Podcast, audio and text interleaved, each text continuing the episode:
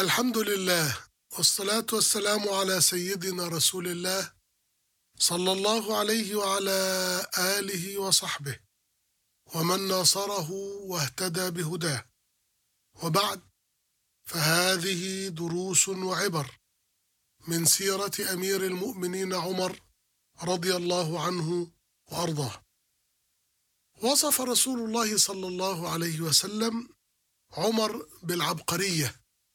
أي بالسيادة الكاملة الوافرة وأفعال السيادة التامة والقيادة الكاملة. حيث قال صلى الله عليه وسلم لقد رأيتني أنزع على قليب.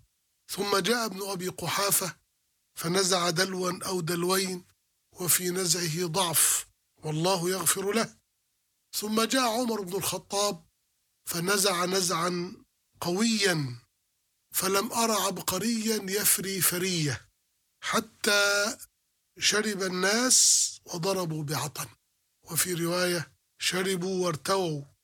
لم أرى عبقريا يفري فرية لم أرى سيدا يفعل فعله.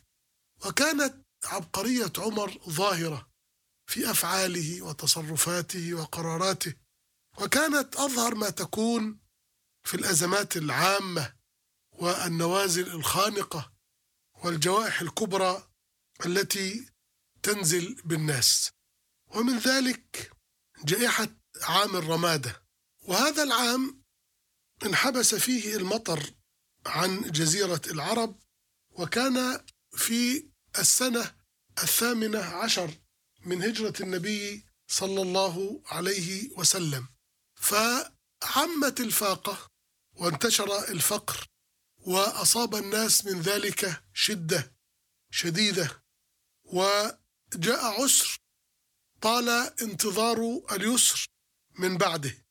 ولكن العباقرة لا سيما القادة العباقرة يستطيعون تحويل المحن إلى منح وأن يجعلوا هذه الأزمات تظهر المعادن الطيبة والأخلاق الكريمة ويعبروا بالأمة إلى بر الأمان عندما تأتي ساعة الميسرة. وضع عمر جملة من القوانين والإجراءات الاحترازية والقرارات الأميرية التي تخفف من أمر هذه الجائحة ومن هذه المصيبة وعموم القحط الذي لم ينزل فقط بأهل البادية وإنما أصاب أيضا أهل الحضر. فكان من أول الشعارات التي رفعها عمر رضي الله عنه كيف يعنيني شأن الرعية إذا لم يصبني ما أصابهم؟ يعني ما لم يكن المسؤول مدركا للحالة معايشا لها داخلا في أزمتها قارئا لبدايتها ونهايتها فهو كمن يتعامل مع أمر من بعيد يرى نارا لكن لا يشعر بدفئها ناهيك عن أن يصيبه دخانها. فعمر كان في وسط المعمعة ونادى بتحقيق التلازم الذي جاء في قوله تعالى في سورة قريش لإلاف قريش إلافهم رحلة الشتاء والصيف فليعبدوا رب هذا البيت الذي أطعمهم من جوع وآمنهم من خوف. فلا بد كما تطعم البطون لابد أن تؤمن المسالك والطرق. وإذا انتشر الجوع زاد قطع الطريق وانتشر السراق. ومع هذه القوانين كان يأخذ أيضا بالأسلحة الإيمانية كسلاح الدعاء فكان يأمر الناس بكثرة الرجوع إلى الله والاستغفار ويذكرهم بقوله تعالى قلت استغفروا ربكم إنه كان غفارا يرسل السماء عليكم مدرارا ويمددكم بأموال وبنين ويجعل لكم جنات ويجعل لكم أنهارا.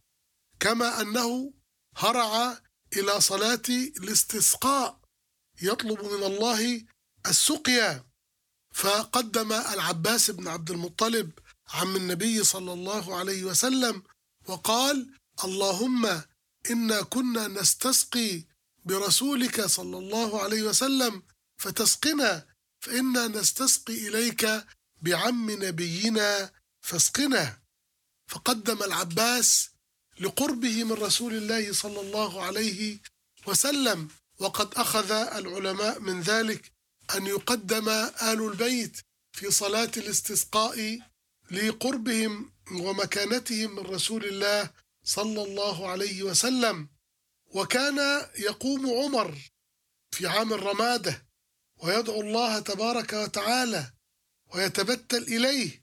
حتى قال أسامة بن زيد بن أسلم يروي عن جده قال كنا نقول لو لم يرفع الله المحل أي القحط والجدب في عام الرمادة لظننا أن عمر سيموت هما بأمر المسلمين.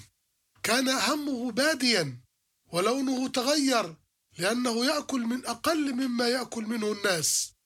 وهنا كان يعطي عمر درسا كبيرا في القيادة بالقدوة أن يكون المسؤول والقائد قدوة لرعيته ومن هم في مسؤوليته وكانت إذا جاءت الميرة أو احتاج الناس إلى طعام أو الدقيق يحمل هو بنفسه ويضعه على كتفه.